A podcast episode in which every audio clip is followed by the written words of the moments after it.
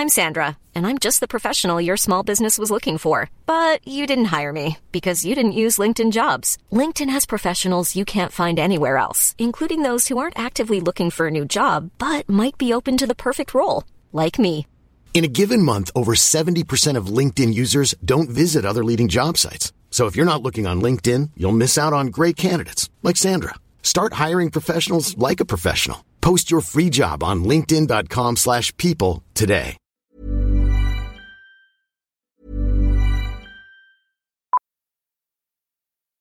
Millions of people have lost weight with personalized plans from Noom, like Evan, who can't stand salads and still lost 50 pounds. Salads, generally, for most people, are the easy button, right? For me, that wasn't an option. I never really was a salad guy. That's just not who I am. But Noom worked for me. Get your personalized plan today at Noom.com. Real Noom user compensated to provide their story. In four weeks, the typical Noom user can expect to lose one to two pounds per week. Individual results may vary. There's never been a faster or easier way to start your weight loss journey than with PlushCare. PlushCare accepts most insurance plans and gives you online access to board-certified physicians who can prescribe FDA-approved weight loss medications like Wigovi and Zepbound for those who qualify. Take charge of your health and speak with a board-certified physician about a weight loss plan that's right for you. Get started today at plushcare.com slash weight loss. That's plushcare.com slash weight loss. plushcare.com slash weight loss. Halo pendengar GGMI Podcast, baik lagi bersama kita berdua dan kali ini kita ingin membahas satu buah nama yang kita punya rencana untuk bisa mengimpor pemain ini secepat mungkin, gak usah nunggu summer kelamaan karena secara kontrak dia pun available untuk bisa kita bungkus pada Januari 2024. Dia adalah Rafa Silva, pemain depan dari Benfica. Gimana Vin tanggapannya? Ya Rafa Silva ini menarik ya karena profilnya ketika gue lihat dia itu main posisinya adalah second striker dan juga posisi lainnya dia bisa di winger kiri ataupun winger kanan yang mana itu adalah versatility yang gue suka banget. Ini adalah tipe pemain yang mungkin dulu gue pinginnya kok di Gakpo ya atau mungkin kayak Diogo Jota yang gue inginkan bahkan itu dulu di Liverpool ya Iya. gitu. Mereka benar-benar kalau Liverpool ya itu tipenya adalah tiga penyerang depan itu bisa main di mana aja tuh. Jota, Gakpo, Nunes, Luis Diaz, Mo Salah itu bisa main di segala posisi ya, mau kanan, tengah, atau kiri itu bisa semua. Hmm. Nah, sedangkan kita mungkin lebih ke menggunakan penyerang yang eh, nomor 9 kan. Hmm. Makanya kita em, jarang lah punya pemain yang seperti ini gitu. Dan ketika dihubungkan dengan Rafa Silva, gue suka sebenarnya dengan profilnya gitu. Bagaimana dia bisa bermain di banyak posisi dari sisi gol sebenarnya dia juga nggak lagi yang bagus-bagus amat ya karena lagi-lagi dia bukan penyerang murni, dia bisa jadi pemain sayap. Bisa dibilang pemain ini adalah pemain yang fungsional, Hmm. bukan menjadi pemain utama tapi dia bisa menjadi opsi ketika kita lagi banyak pemain cedera atau lagi eh, membutuhkan gol atau deadlock lah, dia bisa menjadi opsi gitu. Oke, berarti lu ngerasa salah satu kekuatannya Rafa Silva adalah versatility ya, Iya. yang dia bisa tempatkan di banyak tempat yang itu mungkin cocok nih dengan skema sepak bola modern dan gue sering lihat juga Ten Hag mungkin mau melakukan beberapa ini ya, bisa bilang eksperimen, contoh kayak McTominay ditaruh sebagai SS gitu, yang mana buat gue kalau itu ditempatin sama Rafa Silva mungkin outputnya lebih bagus lagi gitu kan, karena ya Ya. tentu secara uh, attacking mindset dan juga apa yang kita harapkan dari goal scoringnya dia lebih ada gitu. Tapi oke, dia ini kan usia nggak lagi muda ya, 30 tahun dan sisa kontrak 6 bulan. Nah, secara posibilitas, gue ngerasa Benfica pasti akan ngelepas. Karena tentu nggak ada yang datang secara gratis gitu kan. Hmm. Dan gue ya kita tahu lah ya Benfica bagaimana eh, apa ya bisa dibilang ya sangat oportunis ya dengan pemain. Contoh kita lihat dari eh, Darwin Nunes ya dengan harga 120 dan tentu pengen nggak pengen ngelepasin pemain dengan angka nol. Nah, kalaupun kita mendatangkan dia, apa pros and cons-nya? Pro-nya mungkin adalah ya tadi ya versatility dan juga mungkin ya kita lagi butuh pemain tambahan gitu yang mana harganya juga pastinya nggak akan mahal banget. Gua bisa menakar kira-kira mungkin maksimal ya. Ya. Itu ada di angka 25. Oke. Itu maksimal dan itu udah oke sebenarnya. Hmm. Tapi kalau misalnya kita bisa tekan lagi ke 20 itu bisa aja. Karena iya Benfica lebih butuh duit gitu. Ya. Tapi Benfica juga tahu kita butuh pemain. Ah, itu dia, itu bikin susah. Kalau misalnya kita bisa play hard to get gitu, itu mungkin bisa tapi dia juga tahu kita butuh pemain Hmm. gitu nah cuma masalahnya di sini konsepnya adalah Marcelnya harus cabut dulu Oke. karena uangnya dari mana nggak Iya. ada duitnya gitu kan kan dibilang kita cuma bisa loan Hmm. jadi kalau kita mau beli nih pemain meskipun 20 juta harus ada yang keluar dulu Ya. gitu meskipun gua nggak tahu ya Martial kabarnya ditawar Fenerbahce 7 juta dan itu sebenarnya udah minus kan 7 juta sama 20 juta itu udah udah udah neraca udah nggak balance gitu cuma Iya. mungkin setidaknya ada pemain yang keluar dari sisi transfer dan juga gajinya juga keluar. Kan kalau jumlah-jumlah mungkin bisa nyampe 20 juga gitu. Iya, iya, ya kan kalau setahun gitu. Jadi menurut gua eh, itu pro-nya kalau konsnya mungkin usia kali ya. Di mana usia ini nggak lagi muda 30 dan mungkin uh, di luar apa ya mungkin skema proyek kita gitu. Di mana mau dengan pemain-pemain yang lebih muda dan juga biar energinya tinggi gitu. Cuma menurut gua nggak semua pemain muda itu bagus dan nggak semua pemain tua itu jelek Hmm. gitu. Jadi nggak bisa disamaratakan kita harus lihat by konteks by uh, apa ya, case by case dan menurut gua kalau situasinya segenting ini 20 juta ya dengan harga cuma 20 juta Iya buat gue sih kalau emang cocok dengan skema gue nggak ada masalah buat ambil Hmm. gitu yang gue pernah bilang kita butuh variasi kita udah punya penyerang yang benar-benar murni nomor 9 di Hoylund Hmm. kita butuh pemain yang versatile juga gitu biar dia Oke. juga nggak cuma nunggu Hoylund doang Ya. tapi misalnya ternyata kiri kita lagi kosong si Silva bisa main di kiri Hmm. kanan kita lagi kosong dia bisa main di kanan Hmm. gitu yang penting dia available aja Ya. gitu dan gue liat record injury dia juga nggak nggak banyak ya dia ya cuma ada flu atau misalnya eh, cedera- iya ya cuma flu atau mungkin eh muscle injury Heeh. coronavirus gitu jadi Heeh. cedera-cedera receh-receh lah Ya, gitu ya, ya. Mungkin ya kayak Bruno Fernandes kali ya mungkin sama-sama Portugal juga kalau ini ini Portugal yang benar nih bukan kayak yang Pedro Neto gitu. Jadinya menurut gua konsnya itu satu dan kedua mungkin konsnya adalah ya ini bukanlah pemain yang superstar. Ah. ini pemain yang sifatnya lebih kepada opsi versatile dan lu nggak bisa berharap banyak sama pemain ini untuk bisa menjadi pembeda atau uh, pemain yang kayak week in week out tuh dia akan selalu perform dengan apa ya cemerlang lah Ya. gitu mungkin dia bakal ada bare minimum di mana ya dia memang segitu gitu Ah. ceilingnya udah mentok Ah. gitu aja sih dia bukan pemain superstar tapi bisa digunakan secara sistem Hmm, Oke. Berarti ini bukan kayak when you get what you want but not what you need ya berarti ya. Iya. Iya, iya. Oke, tapi gini kalau kita ngomongin pemain berkepala tiga ya, yang di mana kalau dalam skalanya Ten Hag yang pernah kita lakukan kan minimal itu Erikson dan juga Wout Weghorst ya. Ah, yang lainnya kan kayak di bawah 30 ya. Eh Casemiro deh mungkin satu kita masukin ya.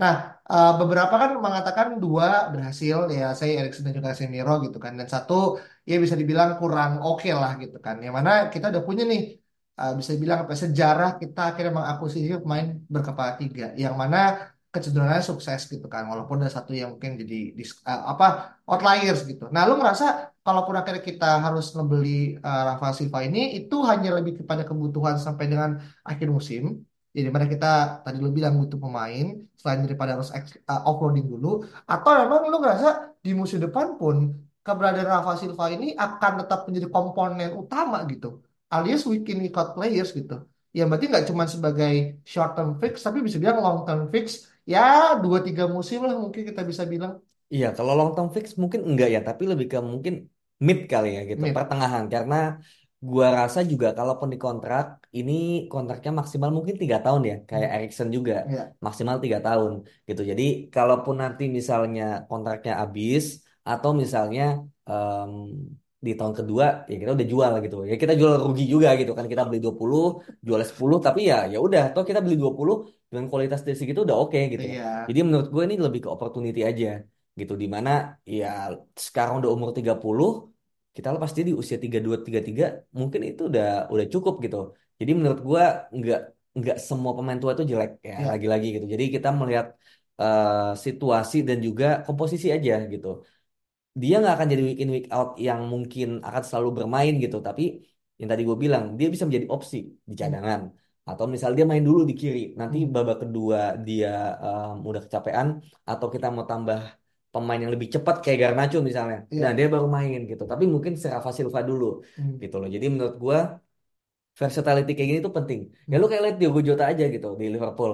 Apakah dia selalu bermain? Nggak juga kan apakah Cody Gakpo juga selalu bermain nggak juga tapi dia fungsional Kalau dibutuhkan dia bisa. Dan Cody Gakpo itu menjadi pembeda ketika lawan City Iya. karena dia bisa lebih mundur ke belakang eh, menjemput bola daripada Darwin Nunes yang penyerang murni gitu. Hmm. Karena kalau lu punya penyerang murni dua-duanya Hmm. itu agak sulit untuk bagi-bagiannya. Iya. Makanya yang itu gue pernah bilang, Haaland pasangannya sama Alvarez. Alvarez apakah pemain depan murni? Enggak juga. Dia mirip kayak si Silva ini.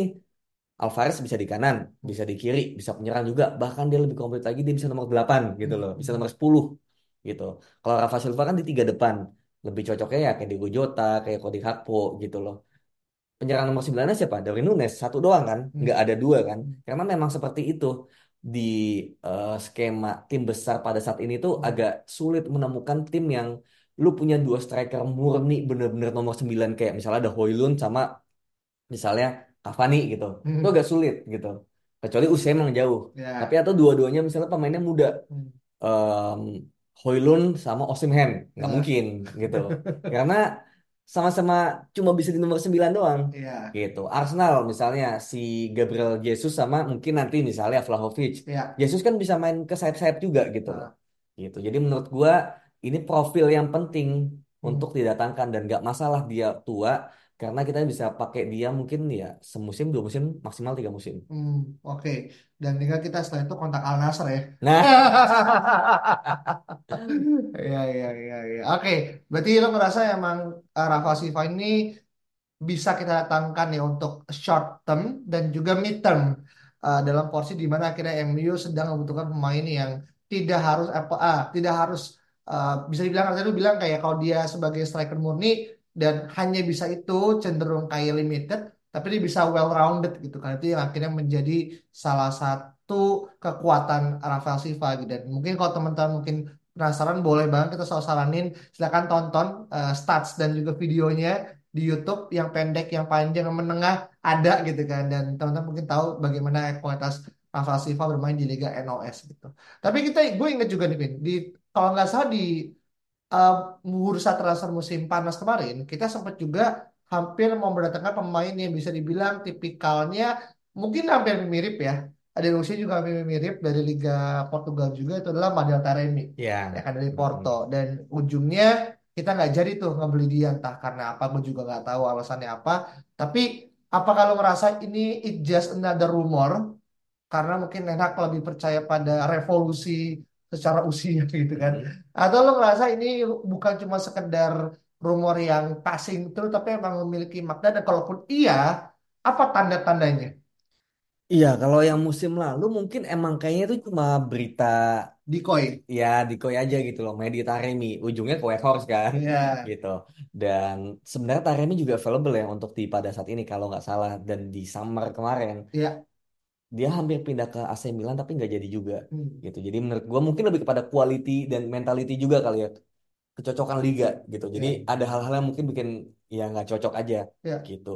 Em, dan juga mungkin nationality ya gitu dia kan dari Iran. Iran gitu jadi ya mungkin terlalu beda gitu kan jadi kayak ini susah nih masuknya kita nggak pernah tahu kan Hmm. gitu tapi kalau Rafa Silva menurut gua eh, tanda-tandanya lebih ke ya tadi ternyata kontrak tinggal enam bulan harganya nggak begitu mahal dia versatile Portugal juga jadi meskipun belum ada tanda-tanda di mana kayak Fabrizio ngomong bahwa Rafa Silva ini mau dibeli tapi dari empat itu gue merasa kayak ini tuh opportunity tinggal mau atau enggak gitu dan kalaupun mau Marcel harus dijual dulu karena kalau enggak ya nggak akan pernah bisa juga selama Marcel masih ada gitu aja Hmm. Mhm. Oke, berarti lu ngerasa kayak ini semacam kayak semesta mendukung ya dari kontrak, dari kebutuhan tim yang akhirnya dengan dia tuh kita bisa jauh lebih fungsional benar gitu kan. oh dan satu lagi Apa? apa ya Kak, ini bedanya MU sama Arsenal ya Hmm. kalau Arsenal itu dia nggak bisa golin bukan karena nggak bisa bikin peluang tapi nggak bisa menyelesaikan peluang Hmm. gitu tapi kalau MU nggak bisa golin Hmm. karena emang lu bikin peluang aja nggak bisa gitu Oke. Jadi sering gue lihat di mana Arsenal ini kalah tapi expected goalsnya tuh tinggi Hmm. kalau nggak satu dua atau tiga tapi nggak bisa golin juga berarti emang mereka mandul Ya. butuh penyerang butuh killer insting Hmm. nah kita sering kali nggak kalah nggak menang expected goals kita lebih kecil daripada gol yang kita ciptakan Ya. misalnya kita golin dua tapi expected goalsnya cuma satu Hmm. berarti memang kita klinis tapi di satu sisi kita nggak bisa bikin peluang yang banyak gitu loh. Mungkin satu-satunya kita expected goal tinggi itu lawan Chelsea Oke. gitu. Sisanya tuh jelek banget lah Mhm. expected goals kayak gitu. Jadi di sini PR-nya adalah ya bagaimana secara permainan dulu aja, secara sistem dulu dibenerin. Bukan berarti ketika lu tiba-tiba beli, let's say ya, Guirassy atau Choupo-Moting, and then dia bisa memberikan perbedaan. Gak juga, bakal sama aja. Hmm. Kalau tengah kita tuh belum jadi gitu loh. Kita skemanya belum jadi. Percuma lo mau taruh siapa pun depannya kecuali mungkin Harry Kane ya, yang dia bisa eh, apa namanya do it by yourself gitu Iya, iya, ya gitu. iya. Tapi kalau misalnya iya pemain-pemain yang menengah gitu kayak Weghorst, kayak Choupo-Moting ya. Weghorst sudah merasakan kan gitu. Iya, iya, Bagaimana sulitnya gitu di MU yang nggak dapat bola ketika di Belanda beda gitu. iya. Bukan karena Weghorstnya, tapi memang MU nggak bisa bikin peluang untuk dia itu sih bedanya. Oke, nah ini mungkin satu pertanyaan terakhir juga perihal kalaupun kita tahu dia enam bulan lagi akan kontraknya selesai, pertanyaan gue adalah kenapa nggak kita tunggu aja gitu sampai enam bulan? Toh juga gue tidak melihat ada klub-klub lain yang mencoba untuk mendekati as far as I know ya dari apa yang gue baca di Twitter belum ada nama-nama besar yang akhirnya mencoba mendekati dia gitu untuk ya at least digoda, dirayu gitu kan dan lakuin concrete movement. Jadi buat gue ketika tadi lo bilang uh, Benfica akan play hard to get ya kita pun juga kenapa nggak ngelakuin hal sama? Tinggal kita kontak pemainnya kan? Kayak deal-dealan kan kayak Paul Pogba gitu kan. Udah lu bertahan aja deh. Uh, tapi nanti pas di summer gitu ya gue tebus lu dengan gaji yang ya kompensasi dari berapa yang harusnya gue bayar ke klub gue kasih ke lu gitu. Nah itu mungkin nggak opsi itu Mungkin aja, mungkin aja cuma lebih ke ini kan mungkin kondisi urgent ya gitu di Hmm. mana kita butuh reinforcement ya untuk menyelamatkan musim. ya Nah, itu sih. Jadi kalau emang MU udah menyerah dengan musim ini, ya sudah, nggak nggak usah usah ya do nothing aja gitu. Tunggu aja musim depan siapa tahu nggak ada yang mau dia lagi gitu kan. Dan siapa tahu ya untung-untung dia juga nggak akhirnya nggak perpanjang kontrak gitu. Hmm. Cuma kalau udah free agent gitu kan dia benar-benar sekarang keputusan di pemain ya gitu kan. Tapi kalau misalnya kayak sekarang ya siapa yang ngasih tawaran gitu. Jadi kasarnya kalau sekarang kita beli itu saingnya lebih sedikit. Tapi kalau kita belinya nanti di summer ya itu saingannya lebih banyak. Semua tim jadi pesaing. Karena ya pemilihnya ada di pemain itu sendiri gitu. Tapi kalau lagi-lagi poin kedua, kalau MU masih mau menyelamatkan musim ini dan Martial keluar, nah itu pasti bakal diambil menurut gue opsi si Rafa Silva. Karena ya tadi profile, kecocokan mungkin dan juga versatility gitu. Dibanding penyerang-penyerang yang kayak Girassi atau misalnya Zirkzee gitu ya bagus. Tapi lagi-lagi yang gue bilang kalau tengahnya kita nggak bisa create percuma. Sedangkan kalau misalnya dia second striker, mungkin ada in, ada tendensi dia kayak Martial sering mundur ke belakang. Hmm. Nanti semoga ada pemain yang membuka ruang sayapnya maju, kemudian dia bisa nanti uh, wall pass atau kombinasi dengan Bruno, kemudian Hmm. dia menjadi decoy karena dia mundur ke belakang gitu. Jadi secara sistem bisa lebih fleksibel.